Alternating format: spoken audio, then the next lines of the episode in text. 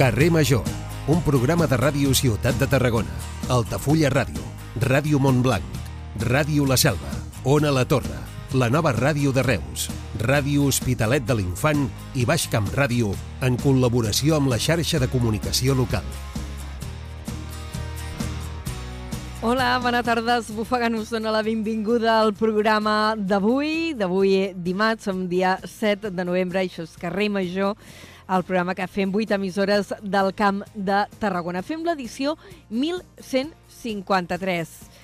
I encara no hi ha acord, encara no hi ha acord per poder, eh, perquè pugui prosperar, vaja, la investidura de Pedro Sánchez. El PSOE i Junts segueixen negociant i els socialistes no posen límit temporal a les converses. Avui han dit literalment que no tenen data perquè s'arribi finalment a aquest acord. I mentre aquest horitzó que semblava, d'un acord que semblava ja fet, es va difonent, es va difuminant, diluint, va pujant en paral·lel la tensió política i judicial. Ahir a la nit hi va haver múltiples concentracions davant de les seus del PSC en contra de l'amnistia. També aquí a Tarragona, on van ressonar crits contra Pedro Sánchez, contra Puigdemont i contra els CDRs. En paral·lel, ahir al vespre, el Consejo General del Poder Judicial va fer pública una declaració contra l'amnistia. Els magistrats consideren que suposaria una abolició de l'estat de dret a Espanya. Paraules contundents i aquí a Catalunya, múltiples entitats, entre elles Òmnium, però moltes d'altres, i també partits polítics, han posat el crit al cel contra l'Audiència Nacional que ahir vinculava les protestes impulsades pel tsunami democràtic amb el terrorisme i investigava ah, per aquesta causa a Marta Rovira, secretària general d'Esquerra, i també a Carles Puigdemont. Ambient polític, com veieu, caldejat i molt, i un ambient polític caldejat que també arribarà als trens. I és que avui els sindicats de Renfe i Adif han anunciat que convoquen vaga de 5 dies contra el traspàs de Rodalies. Les aturades, apunteu al calendari, si és que agafeu el tren normalment com faig jo, seran el 24 i el 30 de novembre i també l'1 i el 4 i 5 de desembre coincidint amb el pont de la Puríssima. Al marge de tot això, avui aquí a Catalunya, el govern acusa, ha acordat posar un límit de 5 anys a les llicències dels pisos turístics. Un canvi de normativa que afectarà 260 poblacions catalanes. D'aquestes, 23 corresponen al nostre territori, corresponen al Camp de Tarragona. En una sessió del Consell Executiu s'ha aprovat això, en què també s'ha decidit destinar més recursos per continuar, continuar els treballs en contra de la regressió del Delta de l'Ebre. Esteu escoltant Carrer Major, el programa que fem 8 emissores al Camp de Tarragona. L'equip el formem l'Iri Rodríguez, l'Aleix Pérez, en David Fernández, la Gemma Bufies, l'Adrià Requesens, el Jonai González, en Pau Corbalan, l'Antonio Mellado, Antoni Mateos. Avui donem també la benvinguda a la Cristina Artacho. Jo mateixa sóc l'Anna Plaça i us acompanyo aquesta primera hora i controlant-ho tot, els comandaments i el Iago Moreno. Comencem.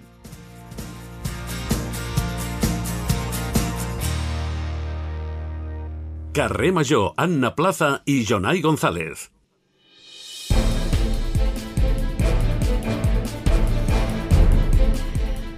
Passen 7 minuts a les 4 de la tarda. Saludem en Jonai González. Bona tarda. Hola, molt bona tarda. I amb ell, com cada dia, repassarem en aquest punt les notícies que després us ampliarem a l'informatiu. Ara les apuntem en titulars. Començant per aquesta notícia d'àmbit general perquè també té afectació al nostre territori. El govern posa un límit de 5 anys a les llicències de 95.000 apartaments turístics a més de 260 poblacions catalanes. D'aquests municipis, 23 corresponen al Camp de Tarragona. La normativa s'ha aprovat en el Consell Executiu d'avui dimarts. La companyia EasyJet tornarà a operar des de l'aeroport de Reus amb vols a Manchester i a Londres Luton a partir del mes d'abril. La decisió de l'aerolínia s'ha anunciat durant una reunió entre responsables de la companyia i del Patronat de Turisme de la Diputació a la segona jornada de la Fira World Travel Market a Londres. Els sindicats de Renfe i Adif convoquen una vaga de 5 dies contra el traspàs de Rodalies. Les aturades es faran el 24 i 30 de novembre i l'1, el 4 i el 5 de desembre coincidint amb el pont de la Puríssima. La consellera de Territori, Esther Capella, ha insistit als empleats de Renfe i Adif que el govern garantirà els drets laborals de la plantilla. Les reserves hídriques milloren a la Conca de l'Ebre, però la unitat del Baix Ebre continuarà en alerta per sequera. La Confederació Hidrogràfica de l'Ebre diu que ha superat amb nota l'exigència legal de mantenir els cabals ecològics en plena emergència. El grup criminal que actuava al Camp de Tarragona hauria arribat a estafar 160.000 euros fent compres fraudulentes de telèfons mòbils. Recordem que Mossos d'Esquadra i Guàrdia Civil van desmantellar aquesta banda la setmana passada amb un total d'11 detencions. I les obres que s'estan duent a terme al jutjat de Montblanc milloraran l'edifici per fer-lo més funcional i eficient energèticament. L'objectiu de les obres és rehabilitar l'edifici de més de 130 anys d'història que estava en molt mal estat. Tenen un termini d'execució de 10 mesos. I en esports, avui parlarem dels equips que li ha tocat al Reus Deportiu d'hoquei en la nova fase de la Champions i en cultura parlarem del REC, del Festival de Cinema de Tarragona, perquè avui s'ha presentat la nova edició amb 10, amb 10 pel·lícules que concursaran a la, a la secció d'òpera prima, que és la secció central del festival. Dit això, Jonai, ara ens acomiadem i d'aquí mitja hora ens tornem a saludar. Fins d'aquí una estoneta. Adeu. Adeu.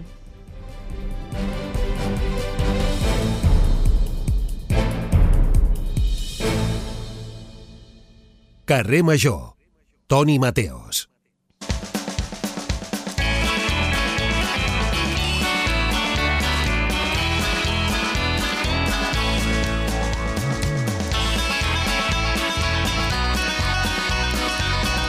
Ai, xiquet, Ai, xiqueta, mira, a quina la plaça. feinada, per favor. Quina feinada. Digue'm. Jo esta, ara mateix estava tancant una entrevista per la setmana vinent curiosíssima que, que fliparàs. Ai, ai, Mira. i ho podem avançar o ens Sí, sí, sí, sí, sí, t'avanço una mica, t'avanço una mica. Digues. Mira, un, una de les meves bandes preferides són els Ah. Smiths, vale? Yes, Banda t'ho he sentit a dir 80. més d'una... Sí? Del, dels 80, amb el Morrissey al capdavant. Doncs he descobert que un amic meu ha fet un videojoc dels Smiths però en, per el Commodore 64. Tu te'n recordes del Commodore Però això és, 64? pre- això és prehistòria... No, perquè jo no em vaig tenir, però això, això és prehistòria informàtica. Doncs ha fet... Vam parlar una vegada amb gent que, que parlaven de, Sí, de sí, retroinformàtica. El vam És tenir aquí a una a la torre, sí, sí, va venir Correcte. aquí. Doncs ara he descobert que un amic meu, el Vieno, ha fet aquest joc dels, Smith, dels Smiths eh, pel Commodore 64 i li estic dient, Vieno, has de venir la setmana vinent a parlar Bueno, bueno, bueno, bueno. Bueno, Ai, bueno, quina bueno, feinada. Bueno, bueno, bueno. Quina bueno. feinada. Però això, perdona que t'ho digui, eh? Però és friki nivell Friki. Master and Commander, que diria un amic meu, eh? Master and Commander del friquisme i de, i de Morrissey, clar, com no. Ser, fan del, del, del Morrissey per fer un joc, un videojoc del teu cantant preferit. Ojo, eh? Mare de Déu, i a més Mare. un uh, videojoc retro. En, en fi, d'això la En fi. setmana vinent. Mira, ja hem fet un tastet de coses que vindran, de coses que vindran més De enllà, coses que però vindran. avui què teniu? Mira, més tastets. Avui tindrem Ganxet Pinxo. Home, Eh? Saps aquella frase que diu eh, la vida és el que passa mentre fas plans? Pues, un amic meu diu la vida és el que passa entre ganxet pinxo i ganxet pinxo. Molt bé. Avui tindrem el Jaume Batista. Li, li, agrada que, li agrada jalar el teu amic, eh? És, eh sí, és un bon vivant. És un bon vivant i el coneixes molt bé i el seu nom és Marc i el cognom... Ah, Busquets. em té abandonada, eh? ja t'ho dic ara, per cert. Doncs el Perquè- Jaume Batista, vicepresident de la Cambra de Comerç i coordinador del Ganxet Pinxo. En els bé. ODS parlarem amb Clara Martín, presidenta de la cooperativa La Brustada, ah, per parlar de la inauguració de la Brustada. Colaos tindrem a la Agnès Toda, que ens parlarà de la Vicky Marató. Oh, això I- mola, aquestes coses. Això Sí, també sí, és sí, friqui, sí. eh? Sí, també és molt friqui això de juntar-se per omplir pàgines i Per fer- pàgines en català. Del Wikipedia, sí, sí, de la molt Viquipèdia. bé, molt bé. Molt Banda bé. sonora del Camp de Tarragona i l'estrena de la Cristina Artacho amb la molt bé, a la furgoneta furgó. com a conductora que se'n va a una es- preestrena de cinema de la pel·lícula Teoria dels cossos. O sigui que... És veritat, és veritat que ho feien avui a Reus. Eh, Si no ho dic malament, el Fortuny. Pot ser? Pot ser. Pot ser. Pot ser. Pot Ho ser. sabrem si no, ja després. em corregireu. doncs moltes gràcies, Toni. Tu i companyia a partir de les 5 i ara continuo jo. Endavant, Anna, endavant. Endavant, les atxes. Sempre. Fins ara, una abraçadeta. Adéu. Cada tarda de dilluns a divendres fem parada a Carrer Major.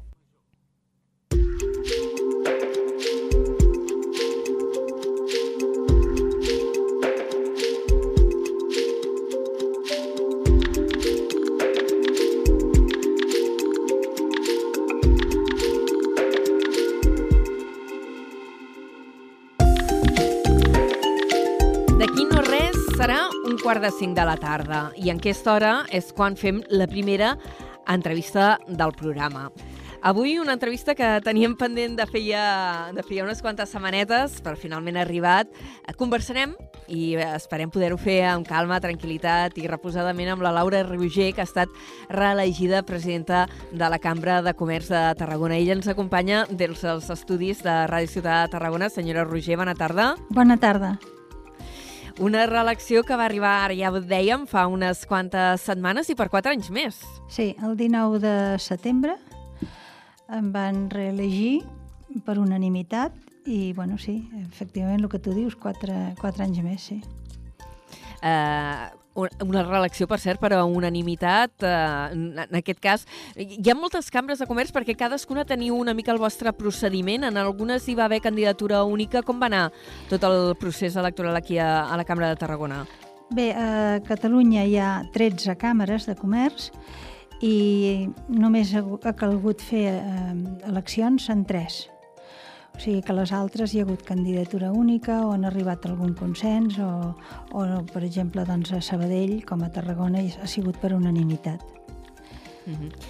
En el vostre Parlament vau dir que volíeu fer de la cambra un referent actiu de la societat civil i un actor imprescindible en el foment de l'emprenedoria i de la captació d'inversions. Què voleu dir amb aquestes paraules? Bueno, tu saps que la Càmera de Tarragona és eh, pionera en moltes coses, entre elles la internacionalització. També doncs, vam ser la primera, la primera càmera que vam tenir mm, la, una oficina d'Acelera Pime. També tenim un equip de digitalització per les empreses, però també enguany hem inaugurat tot un, un equip que, per portar el tema de l'emprenedoria. Eh? Emprenedoria per tot el que són eh, emprenedors joves que venen a demanar informació per muntar un petit negoci o gran negoci. Tenim doncs, un equip de tècnics que els assessoren amb els papers que necessiten, en totes les gestions que han de fer, els hi aconsellen en tot, inclús doncs, amb els locals, els permisos, etc etc. no? Això és una de les coses que hem inaugurat enguany. També hem començat a, fer internacionalització a Centroamèrica i a Àsia. Bueno, a Àsia ja ho havíem fet fer dos anys enrere, però enguany doncs, hi ha més persones en l'equip i doncs, 15 missions comercials cada any. Eh? Mm. En quan... uh, ja que li, uh, ara has esmentat aquell tema, per anar-ho desgranant per parts, eh? per no fer-ho tot, pam, d'una tacada, sí. uh, ara comentava aquests uh, projectes uh, de projecció exterior que teniu des de la Cambra de Comerç, fa molts anys uh, que teniu vincles regulars amb Àfrica, cada any es munten múltiples uh, missions uh, uh, empresarials a Àfrica, però enguany per primera vegada, i ara ho comentava, uh, heu encetat també el mercat de l'Amèrica Llatina. Per què heu decidit obrir-vos cap aquí sí. i per què heu uh, escollit el punt concret que heu escollit? Bé, des de fa 30 anys la Càmera de Tarragona va cada mes a l'Àfrica subsahariana. De fet, a l'any 2021 eh, la Càmera d'Espanya ens va concedir el Premi de la Internacionalització perquè doncs, inclús durant la pandèmia no vam deixar de fer les missions comercials. De fet, en els aeroports només anàvem nantros i en els avions només anàvem doncs, els nostres tècnics i els nostres empresaris. O sigui que nosaltres, el, subsahariana, de tot el tema de, de les càmeres subsaharianes eh, ho, ho controlem i llavors hem volgut ampliar. A veure, Centroamèrica és un lloc que no està massa treballat, no hi va cap més càmera, i doncs, tot el que és Panamà, Colòmbia, eh, per, eh, Uruguai, bueno, tots aquests països de, de Centroamèrica doncs, ens creien molt, teníem moltes sol·licituds I la veritat és que, mira, fa una setmana que ha tornat el tècnic amb, i, i la veritat és que han fet molts negocis i molts contactes i estan molt contents. I Àsia, doncs, també. No... Eh? A, a, digui'm, digui'm, Àsia, com ha anat Àsia? Perquè Bé. dèieu que ho recuperàveu, no?, després Sí, d'uns sí. anys de no tenir-hi... Feia uns anys que no hi havíem anat, però enguany hem començat doncs, altra vegada. bueno, L'any passat ja vam començar.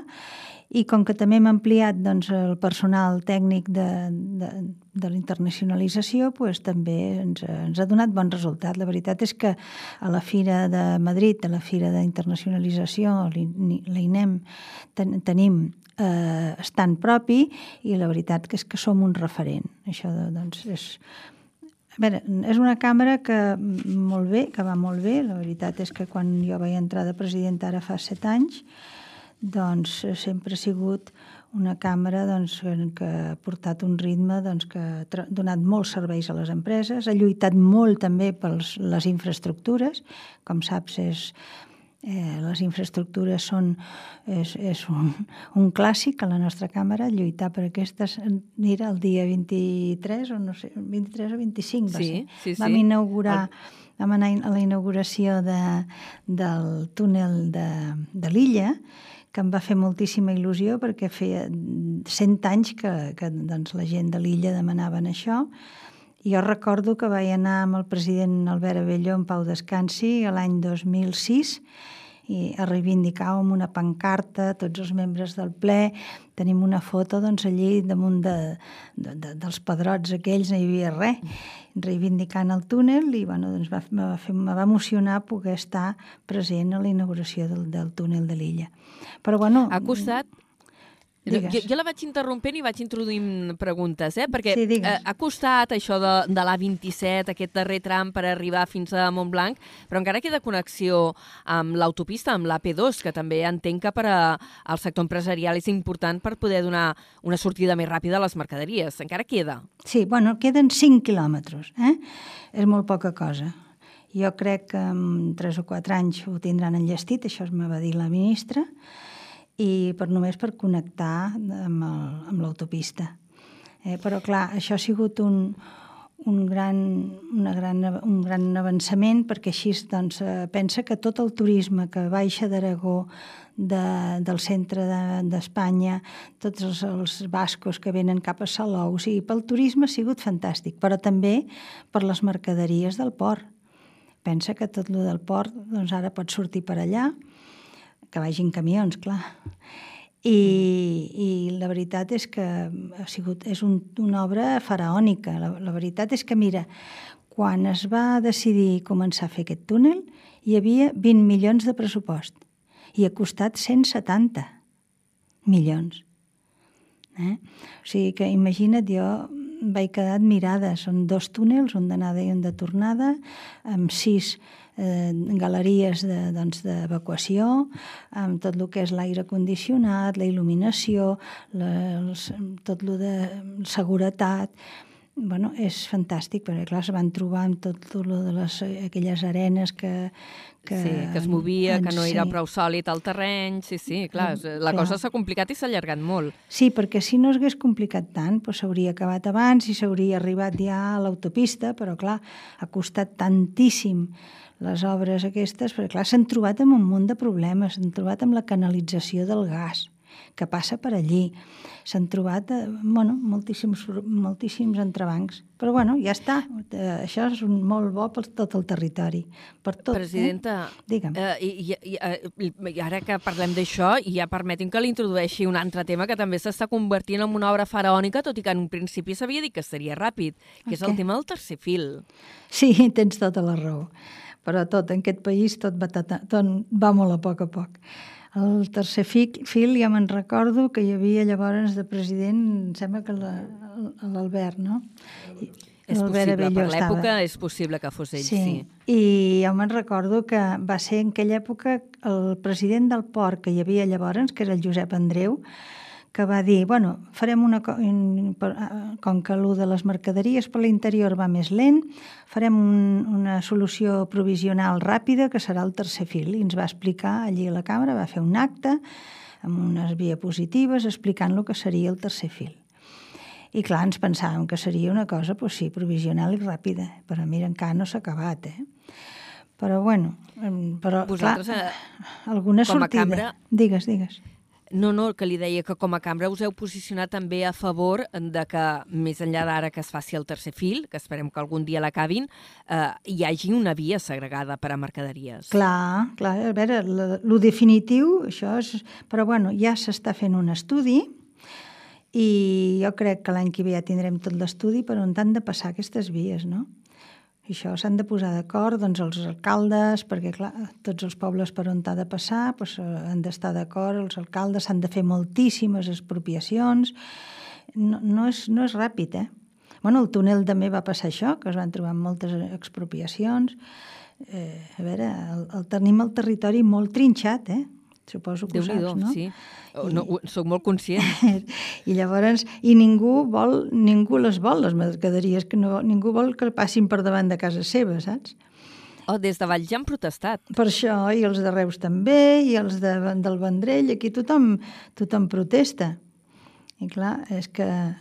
mm, Avui dia, de seguida que vols fer alguna cosa, mira'm el hard rock, l'oposició que hi ha, quan eh, seria una cosa fantàstica el hard rock. És, el- eh, a veure, és, és com lo de un carrer ple de, de botigues per anar a comprar, per anar a passejar, per anar a dinar, per passar el dia. I sí, hi haurà un, un casino, però n'hi ha un munt de casinos, eh? I si vols jugar, pots jugar per internet. O sigui que... Eh, Però hi ha també qui li diria que de carrers plens de botiga també n'hi haurien d'haver a Tarragona i a Reus i als altres municipis, no? Ens fa falta un macroprojecte així. Mm, a veure, el... com se diu aquell... Allà... La Roca Village. Vaig anar un dia a la Sí. Roca Village i allò, 4 milions a l'any de persones, eh? És un pol d'atracció fantàstic.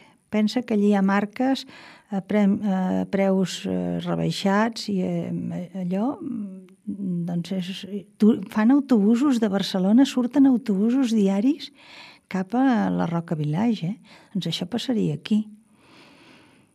Aquí, mm, jo no sé què passa, però bueno, el, el parc central va com un tiro.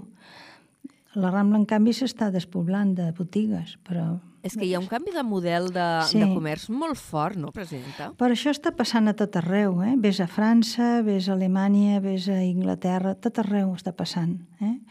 Els centres de la ciutat s'estan buidant de botigues, la gent s'estima més anar als, als, als centres comercials, hi ha aire condicionat, calefacció, poden dinar, poden passar el dia, eh?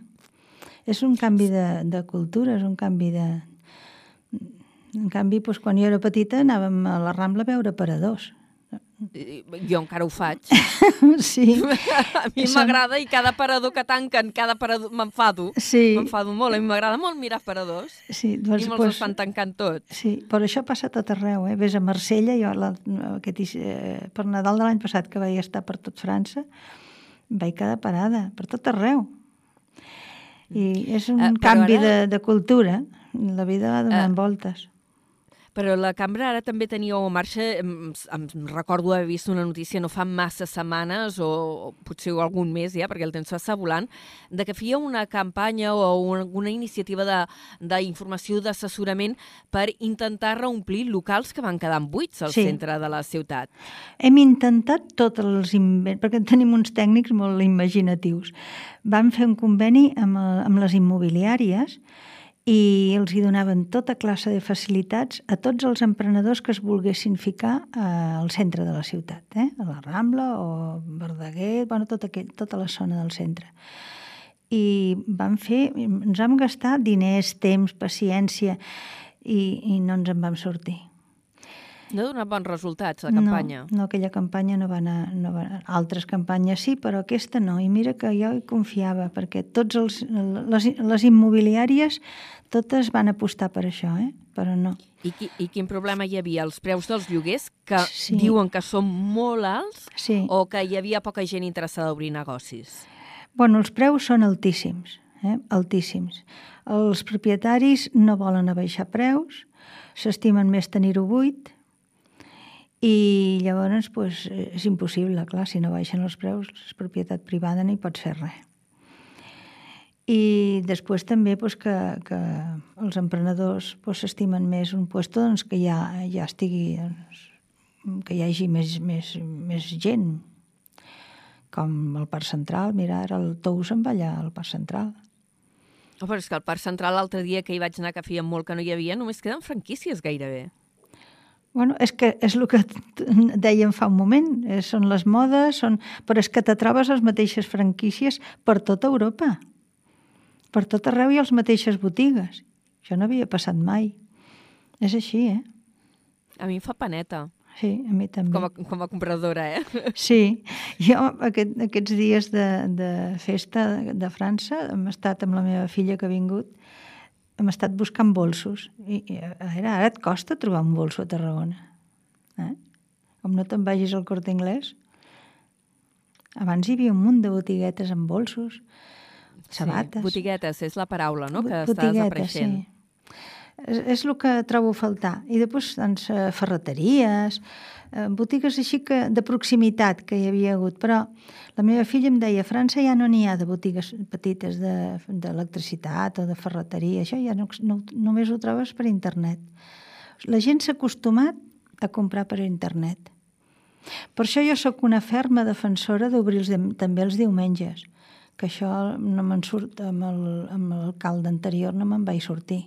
Uh, I amb el d'ara hi han tingut uh, relacions ja o què? Perquè jo sé que amb l'anterior govern, i ho havia explicat, em sembla fins sí. i tot alguna vegada aquí al, Nada, aquí al programa, que tenia molt bona relació o havien uh, trobat molta complicitat amb sí, el que era sí. llavors regidor de comerç amb el dia de Nadal. No sé si amb el canvi de govern mantenen aquesta sintonia, hi ha hagut contactes, encara sí. no? Bueno, ara hi ha la Montse Dan, de, de Comerç, a l'Ajuntament, que és fantàstica i tenim molt, bon, molt bona sintonia i amb l'alcalde d'ara també, amb el Rubén Viñuales.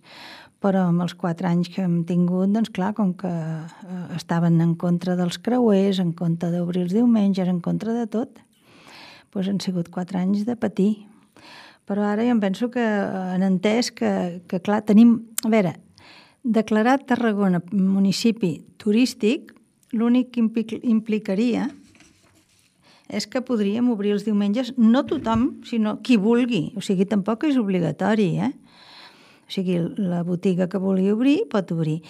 I clar, quan veus els dissabtes i diumenges els carrers plens, plens d'estrangers que venen amb els, amb els creuers, perquè clar, els diumenge, cada diumenge tenim creuers, i està Tarragona tancada i fa una pena i te paren pel carrer i te pregunten on poden comprar això o allò, on poden comprar un rellotge, on poden comprar vi, on poden comprar... I, i, i els hi has de dir, no, no, està tot tancat. No ho entenen, és que no ho entenen.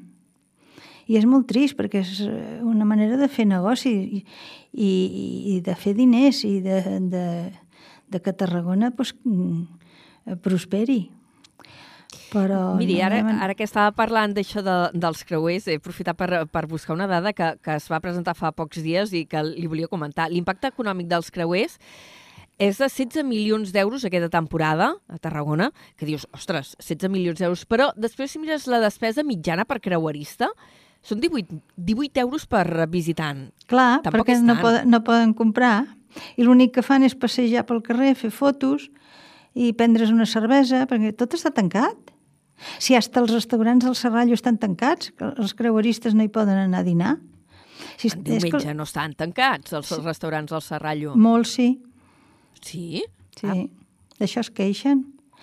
A veure, mm, fins que Tarragona no sigui municipi turístic i pugui obrir tothom que vulgui, no ens en sortirem. Mm. Perquè, clar, no, no poden gastar.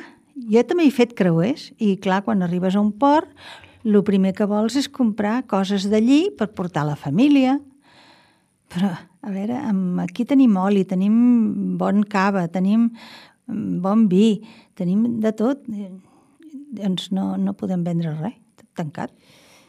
Presidenta, Digue'm. el temps correrà molt ràpid a la ràdio. Uh, Sí. I ja passen dos minuts a dos quarts de cinc de la tarda i com que després tenim l'informatiu tampoc ens podrem allargar molt més. Digues. Però sí que li vull preguntar per algunes cites imminents uh, que teniu. Una, el 16 de novembre, que hi ha la Fira de l'Ocupació de, de Tarragona. Sí. Com anirà això enguany? A veure, aquesta vegada, en vez de fer-ho al Palau de Congressos, ho farem amb un dels, dels d'allí al port, allí, un, un, el, moll, el moll de costa. Eh?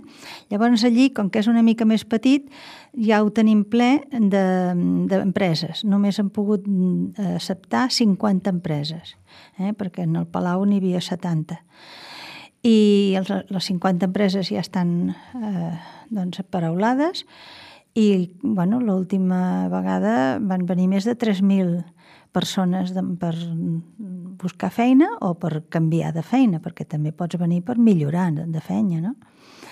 I les nostres fires són un referent. En fem a Calafell, al Vendrell, a Cunit, en fem a Tarragona, en fem a, a, a la Bisbal del Penedès, en fem moltes. És una manera de, de, de que trobin feina els joves quan són, si volen o per l'estiu o no per tot l'any, clar. Perquè en aquestes, en aquestes fires bàsicament faciliteu el contacte entre demandants de feina, gent que està buscant, i, i les pròpies empreses. Es fa format d'entrevistes ràpides, lliurament de currículums, com Sí. cal inscripció prèvia, com va això? No, no, eh, ell, els nois ja a l'entrada ja tenen un mapa i saben on han d'anar, entreguen el currículum, una petita entrevista i la veritat és que hem fet enquestes amb les empreses i la veritat és que les empreses ens diuen que totes han trobat mm, personal. Molt bé. O sigui que en ha sigut general un èxit. fan un balanç fan un balanç satisfactori en línies generals perquè ja n'heu Sí. fet moltes de fires Uh, d'ocupació com sí. aquesta. Ho vam començar fent antros, ara ja ens han copiat algunes càmeres, però la veritat és que és, són un èxit, un èxit. És un, una de les coses que ens va molt, molt, molt bé. Per, per les I una altra- empreses i per la, per la gent, clar. I una altra cosa, cosa que m'ha cridat l'atenció en l'agenda imminent de la Cambra de Comerç de Tarragona és que el 14 de novembre acollirà la segona jornada del 15è Fòrum Espanya-Corea. Sí. A veure, és això? Eh, això és que el govern espanyol va anar a Corea amb la Càmera d'Espanya, allí van fer uns contactes i van decidir doncs, venir a, a invertir mm, empreses eh, de Corea aquí a Espanya. I llavors, a través de la Càmera d'Espanya, van decidir fer dos fòrums, no? una a Barcelona i una a Tarragona. I llavors ens vindran unes 20 o 30 empreses coreanes doncs, a conèixer la ciutat i conèixer la, empresaris d'aquí per fer contactes aquí i és la manera doncs, de- d'aconseguir eh, inversions. Eh? És una manera, i serà un fòrum molt important. Segurament vindrà doncs, també, a part de que vindrà el president de la Càmera d'Espanya i la secretària general, segurament vindrà també el ministre d'Assumptes Exteriores. I això on t'ho fareu? A les A la- mateixes instal·lacions a la cambra o aneu fora? No, no, a la Càmera de Comerç. Allà a l'edifici de la Punxa. Sí, a l'edifici de la Punxa. I a més a més això està eh, doncs, dirigit i organitzat per la Casa d'Àsia, eh, que ja van venir a fer un bon dia la setmana passada, penso, fa 15 dies, fa 15 dies crec. I van venir els del director general de la Càmera ai, de, de la Casa Àsia de Barcelona i va explicar com seria i com se faria. I llavors hi haurà un acte a les 11 del matí a la càmera, després aniran a fer un tast de productes d'aquí, d'olis, de caves, de vins, de, de productes nostres, per fer, doncs, eh, per poder exportar. Posarem en contacte, doncs, eh, me sembla que ja hi ha hagut algunes empreses de vins i de vermuts que s'han posat en contacte amb nosaltres per poder, doncs, eh, fer, per vendre cap allà. Això és molt Segur que- interessant. I sobretot Eh. que hagin triat Barcelona i Tarragona, de tota Espanya, per fer aquest, eh, aquest fòrum. És que... Eh, És la primera vegada que organitzeu una, una jornada de, internacional d'aquesta envergadura aquí? Sí, a Tarragona? a veure, és la primera vegada, però també és que la Càmera de Tarragona mai havia tingut el prestigi, la credibilitat i, i l'èxit que està tenint des d'un anys cap aquí, eh? Pensa Mm. que quan jo vaig entrar a la Càmera de Presidenta fa set anys només hi havia vuit treballadors, ara n'hi ha 27 o 26, no sé. Ara obriríem un altre meló, que és el del finançament de les cambres. Perquè això va canviar fa ja uns quants anys, però, Sí. però ens n'aniria moltíssim de temps, eh, presidenta, i, i no tenim temps perquè hem d'anar ja a l'informatiu, però li agraïm moltíssim que hagi vingut a, avui a, Sí. a parlar en directe a Carrer Major per les emissores locals de, del Camp de Tarragona i segur, segur que al llarg de la temporada tindrem eh, ocasió de tornar a parlar eh, d'aquestes i d'altres temes. Moltíssimes gràcies per haver vingut. Un plaer, eh? Vinga, adeu. Fins ara, adeu-siau. Carrer Major, al Camp de Tarragona, des de ben a prop.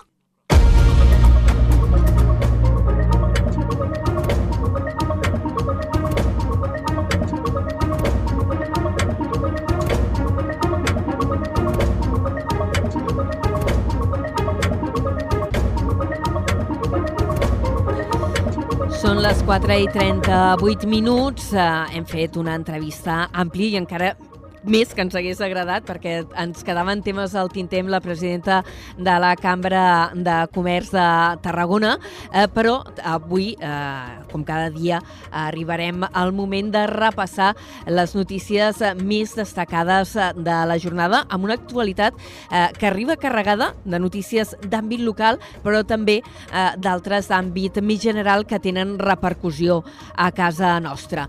I començarem explicant que el govern català ha acordat eh, posar límits eh, de 5 anys a les llicències de 95.000 apartaments turístics en més de 260 poblacions eh, catalanes. D'aquests municipis, eh, 23 corresponen al Camp de Tarragona. La normativa s'ha aprovat en el Consell Executiu d'avui dimarts. Es tracta d'una regulació pionera que acaba amb les llicències de pisos turístics, unes llicències que fins ara es podien ser eternes i ara s'imposa l'obligació d'haver-les d'anar renovant cada 5 anys amb un permís que emetran els ajuntaments. Els consistoris només podran donar llum verda si el plantejament urbanístic justifica que hi ha prou sol per habitatge. La consellera de Territori, Esther Capella, manifesta que la normativa és sòlida jurídicament, de fet s'empara amb l'Estatut i que respon a unes necessitats de molts municipis per regular aquesta activitat, la dels pisos turístics, i poder controlar així també el preu de lloguer. Era un tema que s'havia d'abordar, primera perquè generava doncs, una situació d'inseguretat jurídica, perquè els ajuntaments és una demanda generalitzada i només mirin vostès quants ajuntaments ja han fet moratòries i per tant han, eh, doncs, eh, eh, ho han congelat no? la, la, la possibilitat de que hi hagi apartaments turístics en el seu municipi En línies generals, les llicències estaran limitades a un màxim de 10 pisos turístics per cada 100 habitants, topall que es supera ja en una cinquantena de municipis catalans.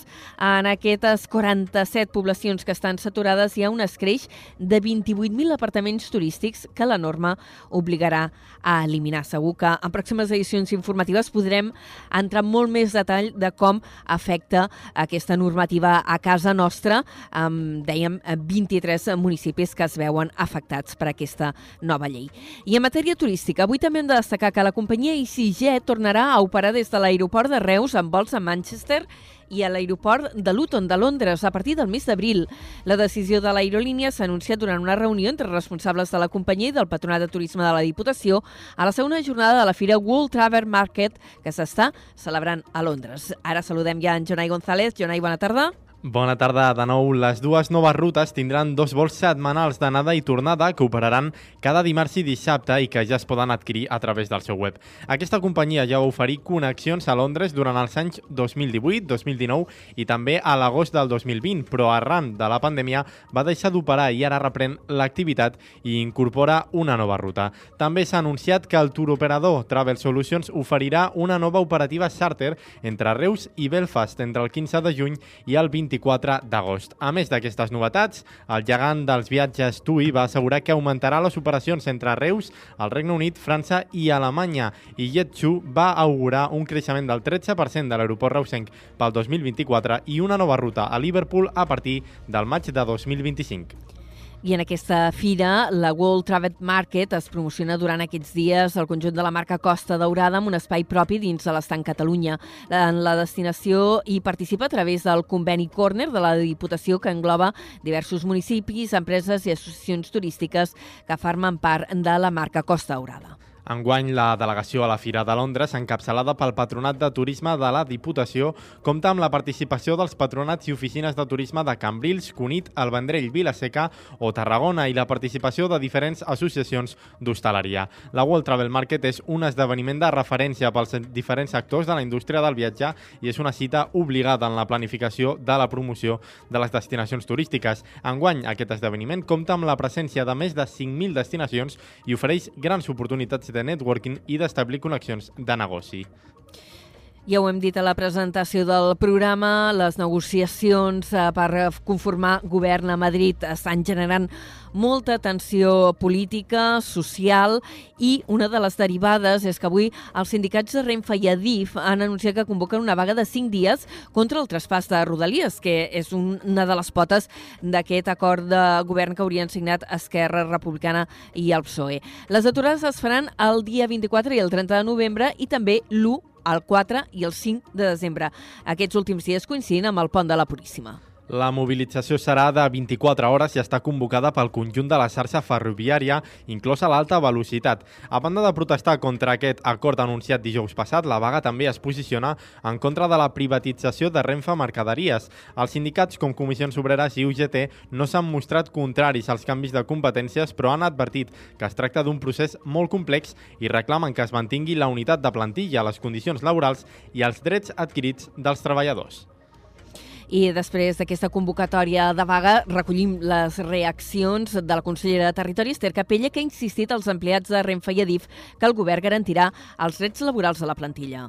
Capella ha recordat que el pacte implica que Renfe serà substituïda per una nova empresa partida per la Generalitat i l'Estat. La consellera ha dit, però, que aquest canvi no afectarà els drets dels treballadors. I que, per tant, en el propi acord s'establia de forma molt clara que es garantiran, eh, com no pot ser d'una altra manera, la mobilitat i els drets laborals dels treballadors. La titular d'Infraestructures ha comparat la situació amb les competències dels Mossos i ha assegurat que el traspàs es farà amb temps.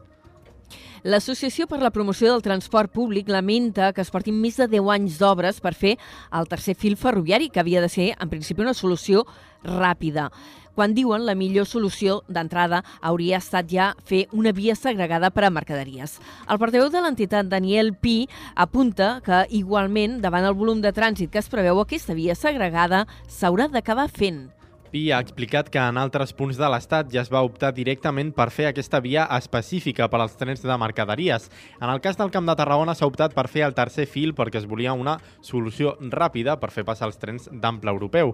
Amb tot, es porta una dècada d'obres i la infraestructura no està acabada. Pi n'ha parlat en una entrevista al programa Carre Major el que hauria sigut més favorable que una via de mercaderies exclusiva i una via pels trens de viatgers. Pensem que són trànsits absolutament diferents. Un tren de mercaderies interessa que es posi 80 per hora i que no pari. I un tren de viatgers és just el contrari. Para en un poble, accelera, es posa 140, algun tram a 160, torna a parar. Per tant, fer circular aquests trens tan diferents per la mateixa via és una font, com a mínim és una, limit, una limitació tècnica important i a vegades una font de problemes. D'altra banda, Pi sí que ha celebrat que ja s'hagin licitat les obres de l'estació de Bellicens a Reus i assenyala que aquesta nova parada i també l'estació intermodal són dues bones notícies per al transport ferroviari al territori. I parlem ara de les reserves hídriques que van millorant a la conca de l'Ebre, eh, sobretot eh, pels darrers temporals. Encara es continua, però, en alerta per sequera a la zona del Baix Ebre. La Confederació Hidrogràfica de l'Ebre diu que ha superat amb nota l'exigència legal de mantenir els cabals ecològics en plena emergència. Els últims episodis de pluja, sobretot a Aragó, Navarra i La Rioja, han millorat les reserves hídriques, a excepció de Catalunya. Així tot, el sistema del Baix Ebre rep les aportacions dels rius afluents del marge esquerre de l'Ebre i hi ha un repunt de les reserves de l'embassament de Maquinensa. En aquest context, la Confederació Hidrogràfica de l'Ebre afronta el nou any hidrològic amb més optimisme i reconeix que és la pitjor sequera dels darrers 30. La conca catalana de l'Ebre és la que més ha patit i continua en un estat d'emergència del qual es preveu poder començar a sortir aviat i el govern destina recursos per continuar els treballs en contra de la regressió del delta de l'Ebre. Els treballs que van començar al febrer passat se centren en el manteniment d'espigons de protecció i bases de la zona de la tancada i l'encanyissada. Les mesures formen part de les actuacions de millora d'espais naturals protegits. Segons el govern, aquestes mesures volen preparar els boscos del país davant l'augment de la seva vulnerabilitat davant aquests incendis en el context de l'emergència climàtica. També aspiren a dinamitzar l'economia vinculada al bosc, protegir i conservar els ecosistemes forestals amb un paisatge que ajudi a frenar els focs. I tancarem aquest primer bloc de l'informatiu explicant que el grup criminal que actuava al Camp de Tarragona i que va ser desmantellat la setmana passada hauria arribat a estafar 160.000 euros fent compres fraudulentes de telèfons mòbils. Recordem que els Mossos d'Esquadra i la Guàrdia Civil van desmantellar aquesta banda ara fa uns dies amb 11 detencions. Dels detinguts ja n'hi ha set que han ingressat a presó per ordre judicial. Els delinqüents robaven la documentació de l'interior dels vehicles de les víctimes i després els usurpaven la identitat per fer compres de telèfons mòbils i altres productes electrònics amb un finançament que anava a nom de la víctima. Segons la policia, hi hauria un centenar d'afectats i els Mossos d'Esquadra mantenen la investigació oberta i no descarten noves detencions. Passen 3 minuts de 3 quarts de 5 de la tarda. L'Ajuntament d'Altafulla i Costes de l'Estat avaluaran dilluns vinent les actuacions que s'ha de fer al passeig de botigues del mar.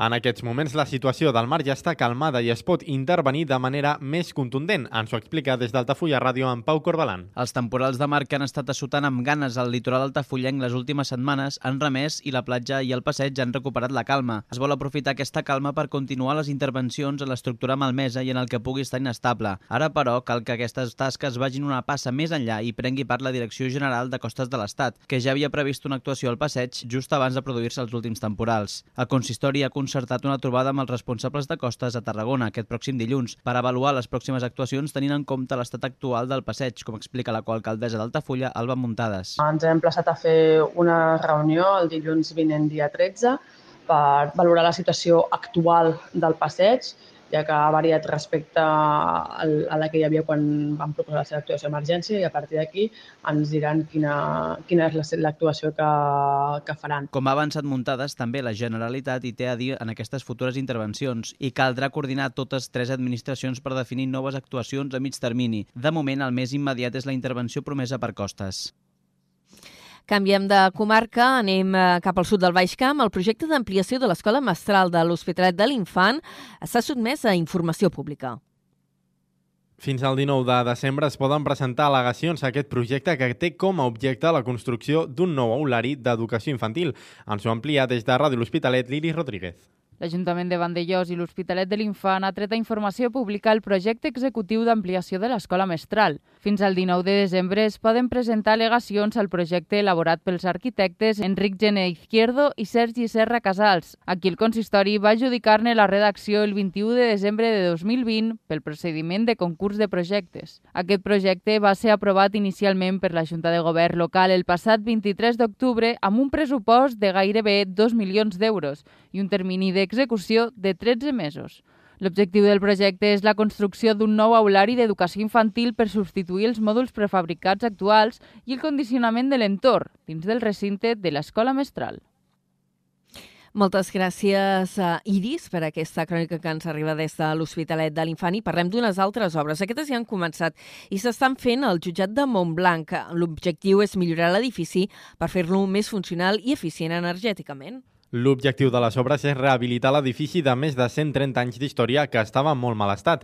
Tenen un termini d'execució de 10 mesos. Ens, no, ens n'amplia la notícia la Gemma Bufies des de Ràdio Montblanc. Les obres per rehabilitar l'edifici del jutjat de Montblanc ja estan en marxa. Tenen un pressupost d'1.138.000 euros, el 85% dels quals està finançat pel govern espanyol. La principal actuació es farà a la taulada, que estava en molt males condicions. També es faran espais més funcionals que aprofitin la llum natural. Amb una altra subvenció s'ha complementat implementat el projecte per poder instal·lar plaques solars i un sistema de climatització per aerotèrmia. La primera planta es continuarà destinant al jutjat i al registre civil, mentre que a la planta baixa i la segona s'hi faran set nous despatxos, on l'equip de govern està estudiant quins serveis s'hi instal·laran.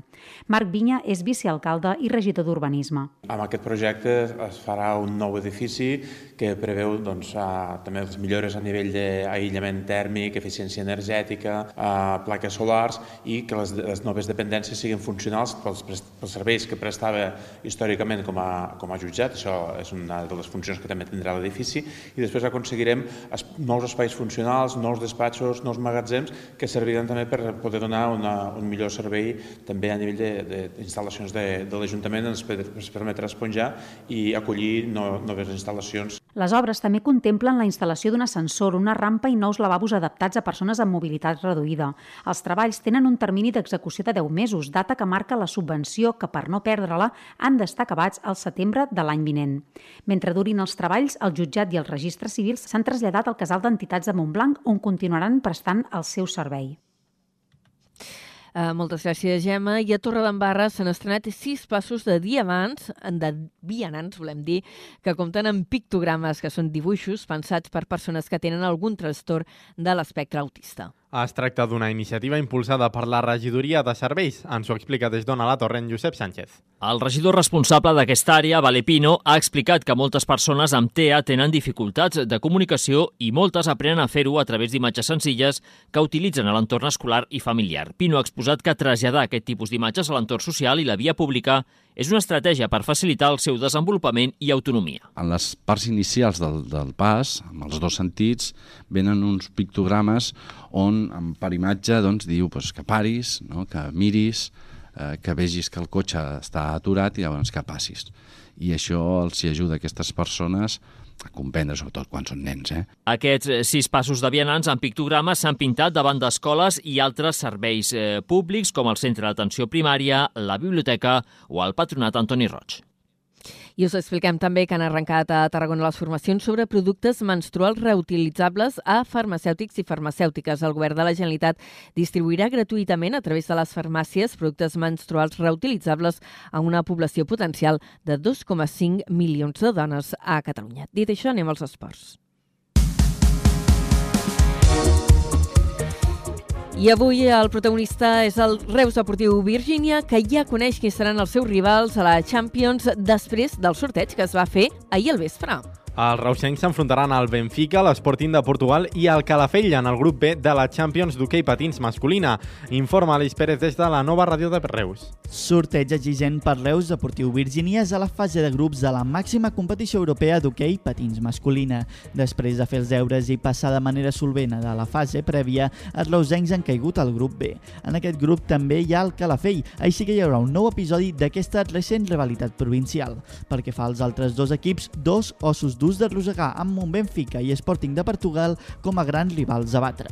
Trencar la supremacia portuguesa és un repte d'alçada per als roig i negres, encara que amb la remodelació del Palau d'Esports tot això fa un gran al·licient per viure novament nits europees a la capital del Baix Camp. Els reusencs arrencaran davant l'Sporting a casa, es desplaçaran a Calafell a la segona jornada i visitaran la pista del Benfica a la tercera. A la quarta rebran el Lisboa a casa, a la cinquena rebran el Calafell i tancaran la fase de grups a la pista de l'Sporting de Portugal. Grup complicat, però sí una plantilla pot donar la campatanada en un grup d'alta volada, aquesta és la reusenca, que necessitarà la millor versió de Sergi Aragonès, Càndid Ballar i Marc Julià per quedar entre els dos primers del grup.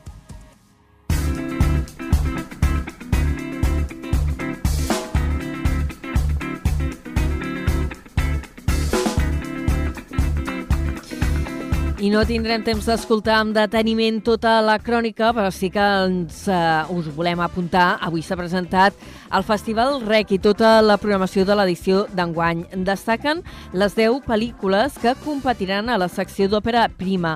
És uh, la d'enguany la 23a edició del Festival de Cinema de Tarragona, que enguany uh, posa el focus en les relacions interpersonals arreu del món. El certamen s'inaugurarà abans del que és habitual, enguany avança dates, començarà el 22 de novembre, s'allargarà això sí, com és habitual, una setmana, i la pel·lícula amb què obrirà és la preestrena de Teresa, un teleball dirigit per Paula Ortiz. Segur que en les pròximes edicions d'aquest programa parlarem amb molt de deteniment del REC, amb el seu director, amb el Javier García Puerto, o qualsevol altre dels seus responsables. I estarem atents. Adéu.